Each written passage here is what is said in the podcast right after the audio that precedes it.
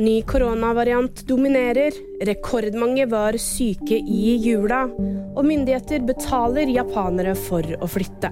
Ifølge FHIs siste ukesrapport så er BQ11-varianten av koronaviruset nå den vanligste varianten i Norge.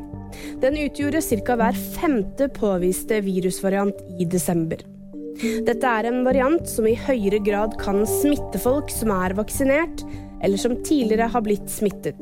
Men så langt ser det ikke ut som man blir noe særlig sykere av denne varianten.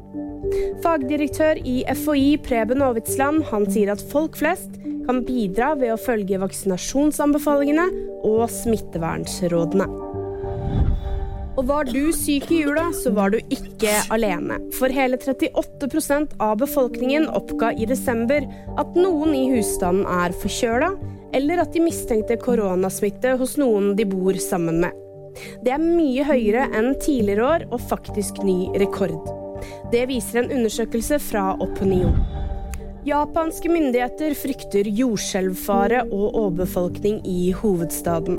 Og nå forsøker de desperat å gi folk et insentiv til å flytte.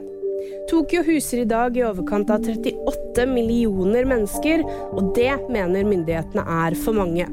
Familier i Japan vil bli tilbudt opptil 1 million yen, eller omtrent 75 000 norske kroner per barn, for å flytte ut av Tokyo i et forsøk på å redusere overbefolkningen.